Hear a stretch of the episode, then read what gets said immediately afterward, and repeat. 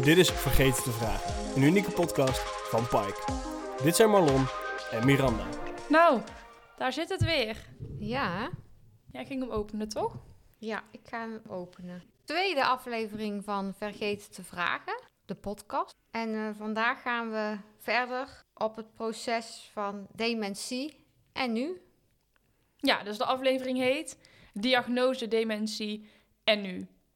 En ehm, nou, ik was eigenlijk wel heel benieuwd, man, wat jij vond van de eerste aflevering. En het online gaan daarvan. Nou, ik vond het eerst heel erg spannend in eerste instantie. Maar ja, dan na het lezen zeg maar van al de reacties... ben ik toch eigenlijk wel heel blij dat ik eraan meedoe. Want ik vond het altijd een beetje spannend en dat vind ik nog wel. Maar ik vind het wel heel mooi om te zien dat toch wel heel veel mensen... onze podcast beluisterd hebben. En soms ook echt leuke reacties hebben gegeven. Ja, wat ik dan toch wel heel erg mooi vind. Ja, en ook veel mensen die we helemaal niet kenden. Ja. Veel ook wel die we wel kenden, maar ook best wel veel mensen die we eigenlijk niet kennen. Dus dat was wel een heel mooi compliment, Ja. vond ik. In ieder Maar ook echt wel heel veel warme berichten en van mensen die zeg maar iets verder van ons afstaan, maar het wel ook gewoon volgen en daar dan toch ook op reageren. Dat vind ik ook wel bijzonder en dat vind ik ook wel weer fijn om dan nu toch weer een nieuwe aflevering te maken. Toch wel, hè? Terwijl je eerst dacht, moet ik dat echt doen? Maar ik denk inderdaad dat wat je net zei, dat we eh, hele mooie... Ja, heel veel mensen die het heel stoer en dapper vonden. Ehm, en ik denk dat, dat, het, ja, dat we nog meer zin daardoor hebben om deze afleveringen verder te maken. Ehm, we hebben ook een aantal vragen gekregen. Mhm. Er zijn een aantal mensen die ons vragen hebben ingestuurd. Nou, daar hebben we natuurlijk ook om gevraagd.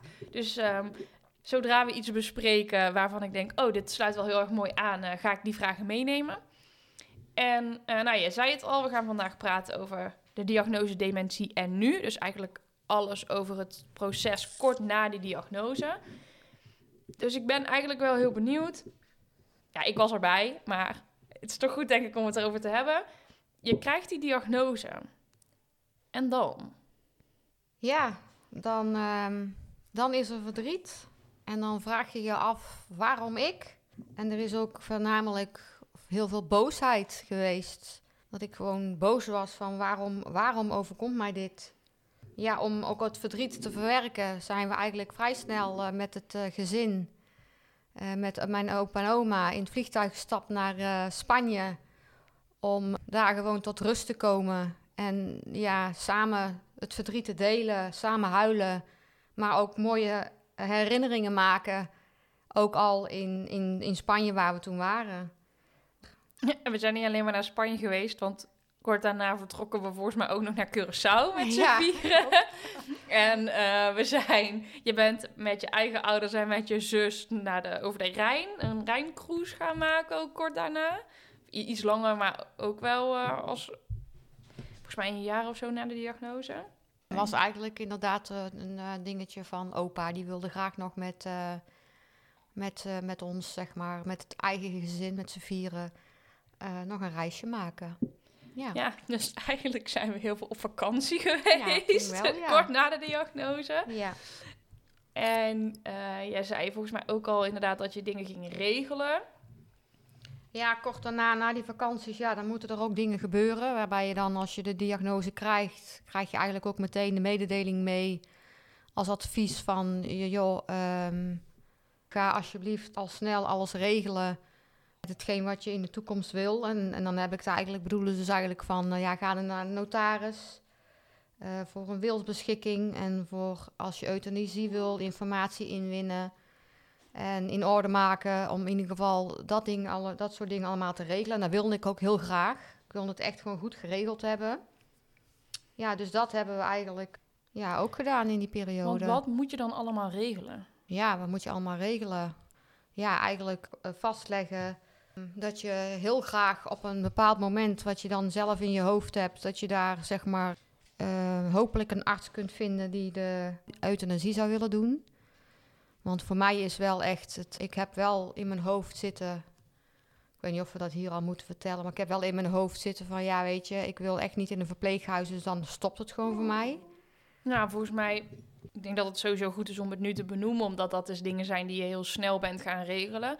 Maar ik denk inderdaad ook dat het een heel mooi onderwerp is om een keer wat verder, ja, een, een verder gesprek over te voeren in een losse aflevering. Dus die Ja. staat wel op het lijstje. Ja. We hebben een hele piepende hond op de achtergrond. Die zit hier te genieten in de zon en wil aandacht. Maar hoe heb je dat dan vastgelegd? Wa- waar begin je mee? Zeg maar? Je krijgt die diagnose, je krijgt dan ook inderdaad te horen... nou, je moet die dingen gaan regelen. Ja. Dus je bent naar de huisarts geweest, volgens mij. En je zei de notaris. Ja. Ja, bij de not- ik ben natuurlijk naar de, bij de notaris hebben we natuurlijk gewoon het papierwerk allemaal geregeld, wat er nodig is. Want je, hè, een wilsbeschikking dit is dan belangrijk. Wat betekent dat, een wilsbeschikking? Mm, dat weet ik niet precies, maar volgens mij is het een beetje dat je dan eh, zelf nog, zeg maar, ik weet het even niet. Ja, ik moet ook zeggen dat ik dat ook niet precies weet. Ik weet dat we dat moesten regelen, maar wat het dan... Ja, dat je nog, dat je nog eh, wel in staat bent om de, eh, duidelijk de keuze te maken die je hebt als je nog gezond bent. Dus ik wil nu eigenlijk al laten weten dat ik euthanasie wil. Ja. En om dat dus zeg maar te bewerkstelligen, is het belangrijk dat je daarvoor een dossier opbouwt. Dat je dat gewoon eigenlijk continu wil doen. Ja, en een arts moet hebben natuurlijk die er uiteindelijk in de toekomst aan mee wil werken. Dus ja, dat is ongeveer, dat is ook wel een onderdeel van die wilsbeschikking omdat ik nu nog gewoon helder ben en ik echt bij volle verstand kan zeggen van ik wil dat. Als ik dat zeg maar regelmatig in gesprekken met een arts bijvoorbeeld doe, in de hoop dan natuurlijk dat die arts of een arts uiteindelijk ook zeg maar mee wil werken aan die dementie. Aan die ik, euthanasie aan die euthanasie Ja. als ik zover ben. Ja, dus in die wilsbeschikking heb je, dat, of heb je dan vastgelegd wat je wil en hoe je dat voor je ziet. En dan, daarvoor moet je dus ook naar de notaris. En bij de notaris heb je ook dingen vastgelegd over financiën en je testament en zo, toch? Ja, testament hebben we daar inderdaad ook van allemaal eh, geregeld. Ja, want je hebt dat eigenlijk allemaal samen met papa gedaan. Ja, en met wel een, eh, een vriend uit de familie. Ja, en toch ook, want ik weet ook nog dat er iemand is gekomen om jou door de hele financiële toestanden heen te helpen, te want, worstelen. Ja, want ik was natuurlijk, dat klopt. Er was iemand eh, uit, uit mijn tijd dat ik nog werkte. Ik ook heel graag mee werkte. En ook een goed contact had. Later is dat wel weer inderdaad opgepakt. Ik vond het gewoon een heel fijn gevoel om te weten van... oké, kan ik hier blijven wonen? Wat gebeurt er? Wat moet ik daarvoor regelen? Is financieel allemaal goed geregeld? Hoe moet het met pensioen? Dat allemaal vastleggen voor de toekomst. Want ik ben wel ja, ben een zekerheidsmens.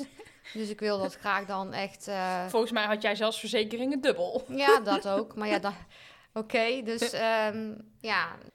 Ik, ik was heel benieuwd, als je dus mensen advies zou willen meegeven over dat, die periode van die wilsbeschikking regelen, eh, naar de notaris gaan, je financiën uitpluizen en regelen. Ja, heb je tips over hoe mensen dat zouden kunnen aanpakken? Wat daarbij heel erg fijn is? Of... Ja, voor mij was het zo. Ik had gelukkig iemand eh, in de kennissenkring die eh, erg veel verstand heeft van eh, bankzaken, verzekeringen, polissen en dat soort dingen. En ja, wat ik eerder al heb gezegd, ik vind het gewoon heel belangrijk dat dat allemaal goed geregeld is. Ja. En dat ik me daar geen zorgen over hoef te maken. Ja, dus eigenlijk zou je zeggen, zoek iemand op die je echt kan vertrouwen en die Ja. daar veel van weet. En ga samen zitten en Ja. kijken of je iemand kan vinden die je daarbij wil helpen. En doe het tijdig, dus stel niet uit. Nee, dat heb jij zeker niet gedaan. Volgens mij eh, Ja. drie dagen na de diagnose had je de eerste afspraken al gepland. Nou, dat is iets overdreven, maar het scheelt niet veel. Nee, ik wou zeggen. En als we dan nog even teruggaan naar dat moment van die diagnose. En je zei daar straks, ehm, ja, verdriet en waarom overkomt mij dat dan? Ehm, er waren een aantal luisteraars die dus vragen hadden echt over dat moment na die diagnose. Een luisteraar wilde weten, hoe gingen wij om met reacties uit onze omgeving na de diagnose? En ik denk, ja, heel veel mensen reageerden natuurlijk toch wel heel geschrokken. Omdat wat we de vorige keer in de, in de vorige aflevering zeiden... Mensen zeiden iedere keer, oh, je bent nog zo jong, dat kan toch niet? En toen was het dus wel zo. Dus ik herinner me nog wel dat veel mensen geschrokken reageerden. Of zeiden, oh, dat is shit, man. Dat ik echt dacht, oh, dat dekt niet helemaal de lading. Maar het is heel moeilijk, denk ik, om het gevoel wat je dan hebt... goed onder woorden te brengen of zo. Er zijn eigenlijk niet... Ik weet niet, ik vond het heel lastig dat heel veel reacties... daarvan dacht ik, nou, hmm... Of mensen wisten niet zo goed hoe ze, hoe ze daarmee om moesten gaan. En ik voelde ook wel, ja, ik weet ook niet zo heel goed wat de allerbeste reactie is. Behalve dat het gewoon heel erg kloten is. En dat er geen woorden zijn om echt uit te leggen hoe je je dan op dat moment voelt, denk ik. Ja. Want- Ja, je voelt je gewoon eh, een beetje in de steek gelaten. In de zin van, ehm, ja, misschien is dat trouwens niet het juiste woord in de steek Weet ik laten. niet. Hoe voelde je je dan? Nou, dat je, eh, je bedoelde na de diagnose toch? Ja, dus Dus- hoe je je voelde toen, zeg maar, hoe, me- hoe mensen reageerden op jou toen je vertelde dat je de diagnose Alzheimer had gekregen. Ja, nou ja, som, de meeste mensen schokken natuurlijk wel, omdat ik natuurlijk nog heel jong ben. En dan roep, denken ze ook van ja, hoe dan? En hoe, hoe kan dat Mhm. nou? Eh, dus ja, dat vooral. En ook gewoon eh, mensen die er eigenlijk... eh, er zijn ook gewoon mensen die eigenlijk daar niet op kunnen reageren... omdat ze niet weten hoe ze moeten reageren en dat ze moeten zeggen. Want ja, het is natuurlijk iets wat ja, ook wel best beladen is. Hoe zouden die mensen ge- gereageerd moeten hebben, volgens jou? Wat had je het liefst gehad dat die mensen hadden gedaan of gezegd? Nou, ik denk ehm, om er wel gewoon over te praten, het niet weg te stoppen. En dat is eigenlijk hetgeen wat het meest gebeurd is. Gewoon vooral zeggen, ja, ik vind het heel vervelend. Maar voor de rest eigenlijk ook niet eh, daar iets over, ja, niet het verder vragen. Nee, klopt. Dus eh, ja, dat vooral. Dat ze gewoon eh, ook niet wisten hoe ze moest op, op moesten reageren. Nee, ik had dan ook liever, dat deden ook sommige mensen wel, dat ze dat gewoon zeiden. Hé, hey, ik ben er heel erg van geschrokken. Ik vind Ja. het echt moeilijk. Ik weet dus ook niet zo heel goed wat ik moet zeggen. Toen dacht Ja. ik, nou, ik ook niet. Dus ja, zeg inderdaad. Ik denk dat dat het grootste advies is wat ik achteraf ook tegen mensen heb gezegd heb gegeven. Als je het dan niet weet, zeg dan gewoon dat je het niet weet. Dat is Ja. echt minder erg dan zeggen, ja, echt shit of vervelend. Of omdat dat voor je gevoel gewoon de lading niet dekt. Dus ja, Het is gewoon eh, niet gewoon vervelend, het is gewoon echt super, super, su- super vervelend. en ik wil het K-woord niet gebruiken, maar het is echt gewoon K. ja K. en merkten we ook dat mensen die dicht bij ons stonden ineens anders tegen ons gingen doen? Nou, eh, ik moet eerlijk zeggen dat ik dat niet zo, dat zou ik niet zo goed meer weten. Nee, ik, ik denk vooral wat je zegt, dat mensen niet zo heel goed wisten hoe ze erop mee om moesten gaan of moesten reageren. Omdat ze dan ja, niet meer echt iets vragen of dat ze het zo uit de weg gaan dat ze je dus niet meer vragen of dat ze je soort van gaan mijden. Dat ze je... Ja, ja. Ja, dat laatste vooral. Mensen, weet je, ik ben zelf gewoon heel erg open en ik kan al over, over heel veel dingen praten, over bijna van alles. Maar er zijn gewoon wel eh, mensen in de omgeving die dat toch wel heel erg lastig vinden. Om dan, en dan is dat nog niet eens zo heel ver weg. Nee. Dan zijn het, ja, waarvan je het eigenlijk dan had verwacht van... God, die slaan wel een arm om je heen. Of, eh, en op zich hebben die natuurlijk ook wel hun verdriet gehad, uiteindelijk. Maar er is eigenlijk nooit echt een, daar echt een goed gesprek over gevoerd, volgens mij. Nee, en het is dan misschien in dat soort gevallen ook gewoon fijn om dan samen dat verdriet te kunnen hebben. Ja. Dus Ja. ik denk dat dat wel het antwoord is op de vraag. Wij merkten dat mensen inderdaad, ja, in die zin wel anders deden en het gewoon heel lastig vonden. En zijn wij als gezin en jij zelf anders gaan leven na de diagnose? Oh ja, zeker. Er kan veel meer tegenwoordig. Heel veel dingen kunnen tegenwoordig. Want je gaat niet meer uitstellen. Je gaat gewoon denken van, ja, wat, je moet je leven omgooien. En eh, dat hebben we ook zeker wel gedaan. Eh, we zijn in het vliegtuig gestapt. En eh, met vakantie, met het hele gezin en met opa en oma erbij. En om daar het gewoon in eerste instantie een beetje een plekje te geven, maar rust te krijgen en erover na te denken en samen kunnen huilen. Ja. En dat hebben we ook wel, zeker in die beginfase, gewoon wel heel veel gedaan. Samen huilen en, ehm, en ieder, ieder had natuurlijk zijn eigen verdriet. Maar daar werd dat natuurlijk ook wel echt gedeeld. ja, en ben je, ben je zelf ook veranderd door de diagnose? Ja, dat denk ik wel. Ik ben wel veranderd door de diagnose. Eh, in, in, in de zin van, eh, ik ben wat veel gemakkelijker geworden, denk ik. Want ja, ehm, het is nu wel echt zo van wie. Ik, eh, ik wil wel echt in het nu leven. En niet vooruitschuiven meer. Dus daarin ben ik wel heel erg veranderd ook. En ehm, ja, dat vind ik ook wel fijn. Ik geef me wel een heel goed gevoel. Ja, dat snap ik wel.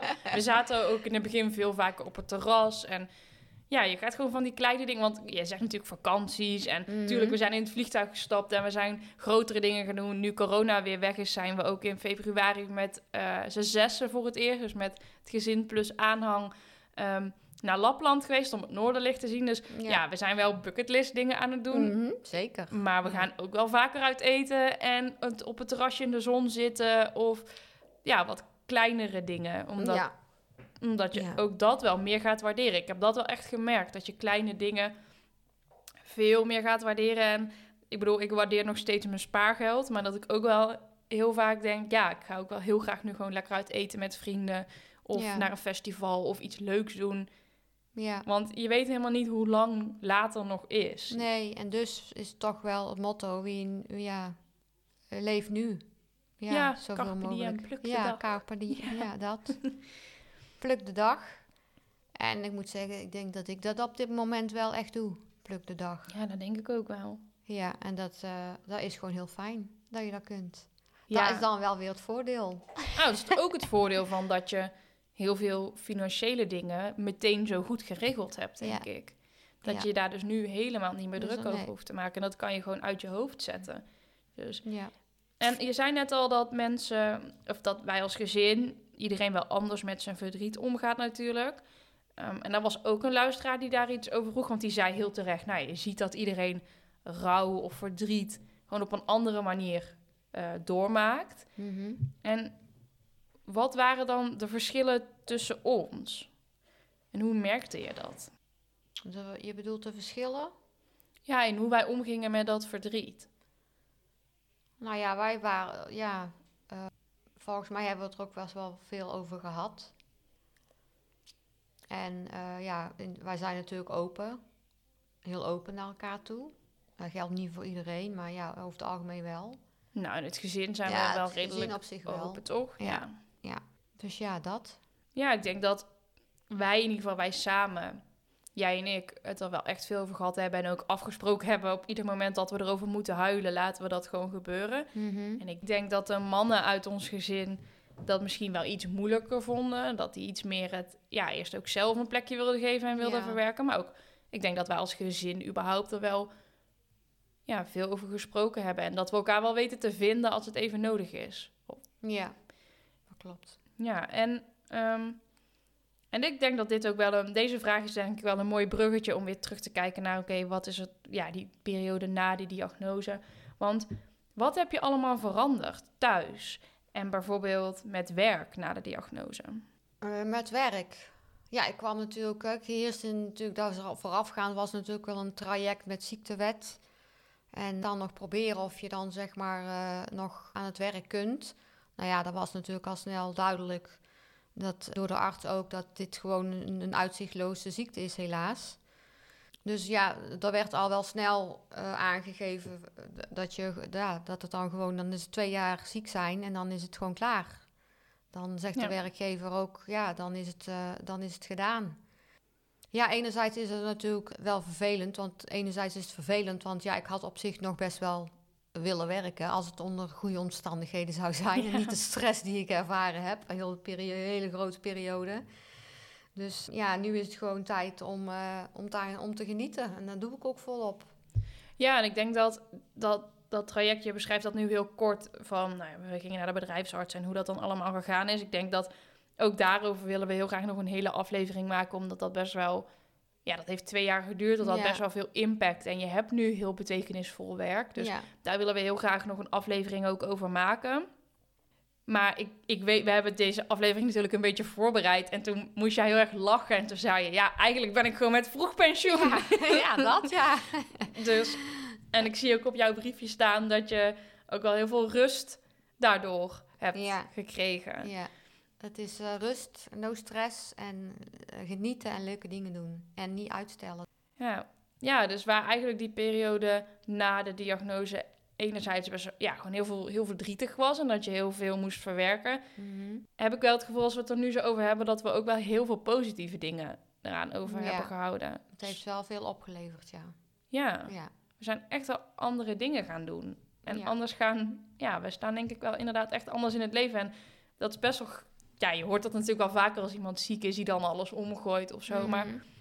En ik denk dat je dat pas kunt ervaren als je zelf dus hierin zit. Ja. Maar ik denk wel dat dat ook voor ons echt geldt. Ehm, en als je dan kijkt nu Ja. naar jouw verdere ehm, dagindeling, hoe is die anders geworden? Want je bent gestopt met werken. Ja. Hoe, hoe heb je daar dan weer na de diagnose, hoe, hoe pak je dat aan? Want je komt thuis te zitten. Ja, ik kom thuis te zitten. En dan eh, ga je, ben je, zit je eerst nog in die bubbel van eh, hè, waarom ik? En boosheid en dat soort dingen. Maar ja, die op een gegeven moment gaan die dan ja, verzachten die wel, zal ik maar zeggen. En ehm, ja, toen ben ik uiteindelijk, doe ik nu, eigenlijk ben ik elke dag, ik heb een goede dagindeling. Eigenlijk, eh, ik wandel op dit moment elke dag. In principe, als het lukt, een, ongeveer 10 kilometer per dag. En smiddags ben ik dan gewoon lekker thuis. Of ik ga met de hondjes wandelen ook nog een keertje. En genieten van de zon in, hè, in deze periode van het jaar. Maar eh, ik doe ook op één dag in de week. Ik weet niet of je dat bruggetje al wil maken. Of. Vrijwilligerswerk. Ja, Ja, nou daar willen we dus de volgende keer een hele Ja. aflevering over maken. Hm, Maar inderdaad, dat, dat is ook onderdeel van jouw dag. En je bent inderdaad... Ik heb tegenwoordig als ik jou bel, want wij bellen elkaar... Nou, soms bijna wel dagelijks, maar in ieder geval één Mhm. keer in de twee dagen.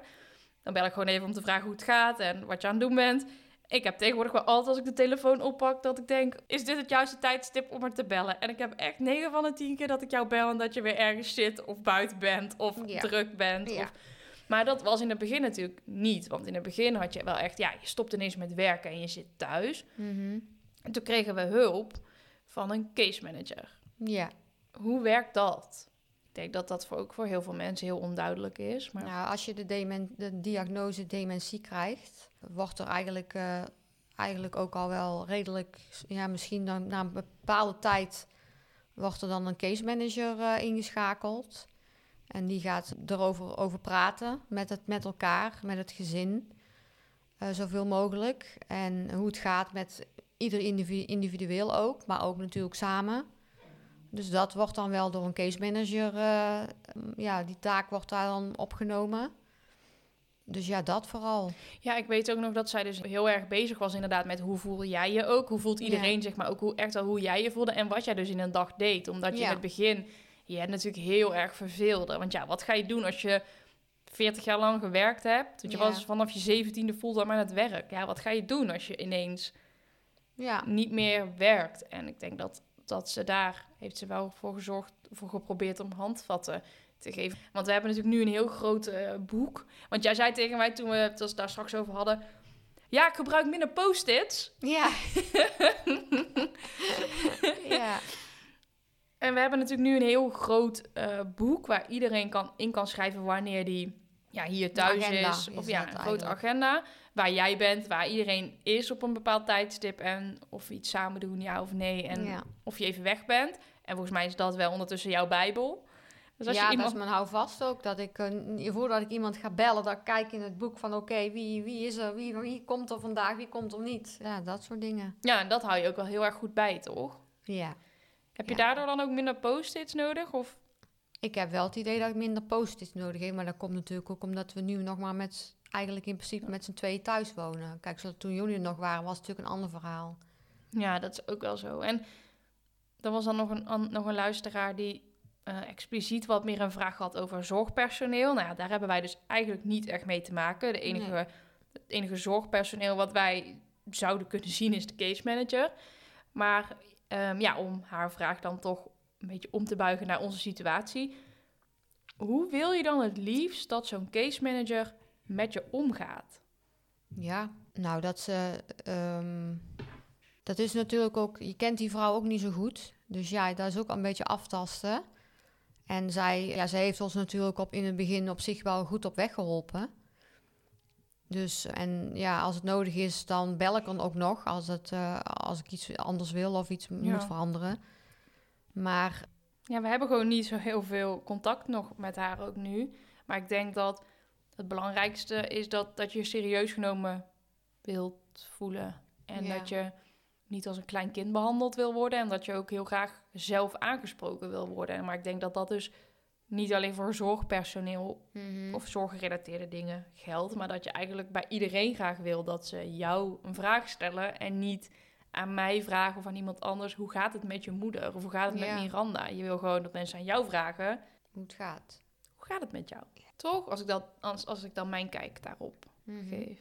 Ja, nou, dat is ook zo. En ehm, ja, nog iets wat volgens mij best wel groot veranderd is na de diagnose is eh, het autorijden. Ja, zeker. Ja, daar heb ik in moeten leveren. En dat vond ik, eh, vond ik niet leuk. Vind ik nog steeds niet leuk. Ja, dat was natuurlijk ook een heel gedoe. Dan Moet je eerst, hè, eh, ik heb nog wel auto gereden daarna. Maar als je dan die diagnose Alzheimer krijgt, ja, dan wordt er ook gevraagd van, rijd je nog auto? Ja, je rijdt dan nog wel, hè. Ik rijd toen nog gewoon auto. En dan, ja, als je, dan moet je eigenlijk, om, om zeg maar een auto te blijven, kunnen blijven rijden, moet je moet je dan weer een rijtest afleggen.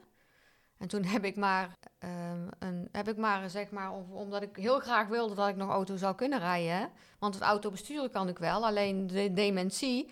Dan wordt er gezegd door de eh, medici, van ja, maar als je dementie hebt op een bepaald niveau, dan kan je, mag je geen auto meer rijden. Ja, ik heb uiteindelijk dan eh, een aantal rijlessen genomen hier in de buurt. Om toch weer wat vertrouwen te krijgen dat ik die rijtest toch wel zeker zou halen. Nou ja, dat is, ook wel, dat is inderdaad ook gelukt. Dus ik heb echt nog wel volgens mij anderhalf of twee jaar nog gereden. Ja, zoiets. Volgens mij geeft dan de neuroloog een advies over Ja. hoe lang ze het inschatten dat dat nog goed kan. En in jouw geval was dat ongeveer drie jaar. Dus ja. Nou, we zijn wel iets eerder gestopt met autorijden, maar dat was volgens mij drie jaar. En dan moet je een rijtest doen. En als je daar dus ook voor slaagt, dan wordt je rijbewijs dus door voor die periode verlengd. Dus hij is nu net verlopen. ja, Dus je hebt nog drie jaar mogen rijden in principe. ja. Maar daar ben je wel wat eerder mee gestopt. Ja, want ik vond, voelde het voelde, ik kon gewoon het, het auto bedienen en het rijden, dat ging allemaal prima.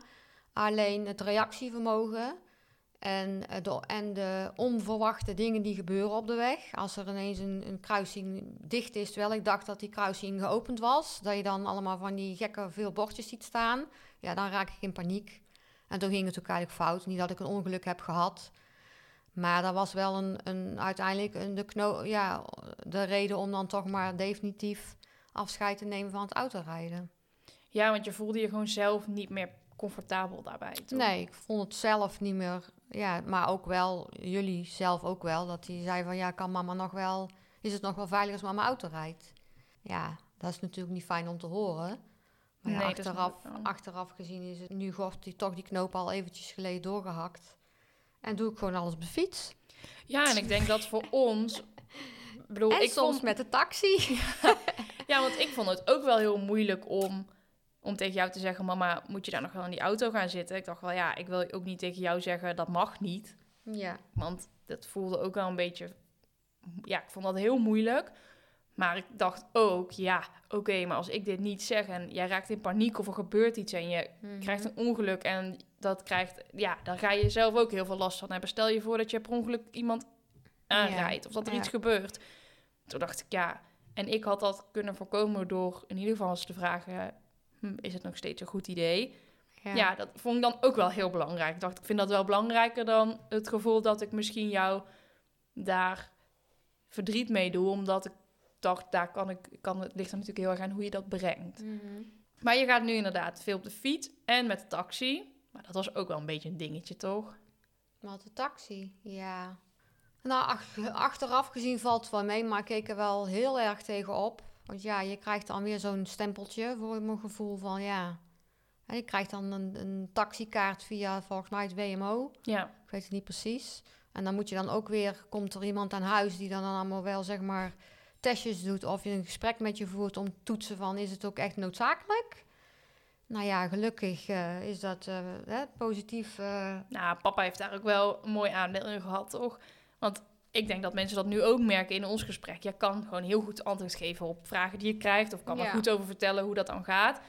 En je bent er ook heel eerlijk over. Dus zij belde jou en ze vroeg, nou, waar ga je de kaart voor gebruiken? Lukt het dan niet meer? En jij zei, nou, ik fiets eigenlijk heel veel. Maar als het regent, dan vind ik het heel fijn als ik naar bepaalde dingen moet. Of als het sneeuwt, Ja. Ja, dat ik dan wel warm vervoer heb. vooral de sociale contacten, daar ging het om. Ja, dat je, dat, dat je dus niet als het slecht weer zou zitten, zou isoleren omdat Ja. je nergens naartoe kon. Ja. Of wil. Nou ja, vooral kon, want je gaat niet, niemand gaat graag door de stromende regen of door de sneeuw fietsen. Nee. En toen zei die vrouw van de gemeente, ja, maar we gaan u geen taxikaart geven voor slecht weer. Ja. En toen zei papa heel terecht tegen haar, luister, als je dat nu niet doet, dan hebben we over een paar maanden gewoon nog een keer dit gesprek.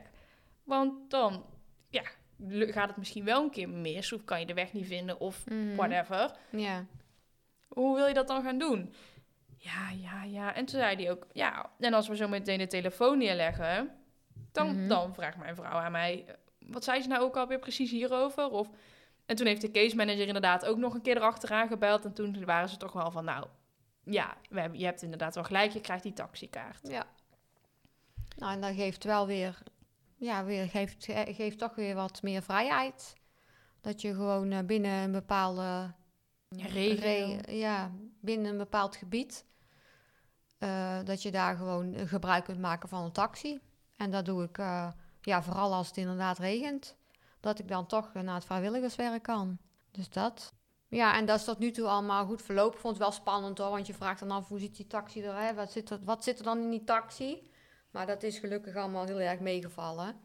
En eh, ik hou hem achter de hand, maar ik vind fietsen doe ik nog liever. Maar als het regent, neem ik wel de taxi. En als het heel hard waait en als het sneeuwt ook. Ja, en je hebt ook al ondertussen heel veel lieve mensen om jou heen die jou graag helpen, toch? Ja. Met een keer wegbrengen. Of Ja, dat klopt. Daan, mijn broertje en ik eh, wonen allebei. Ja, we wonen in Amsterdam en in Den Haag. Dus niet echt om de hoek, want jullie wonen in Tilburg. Ja.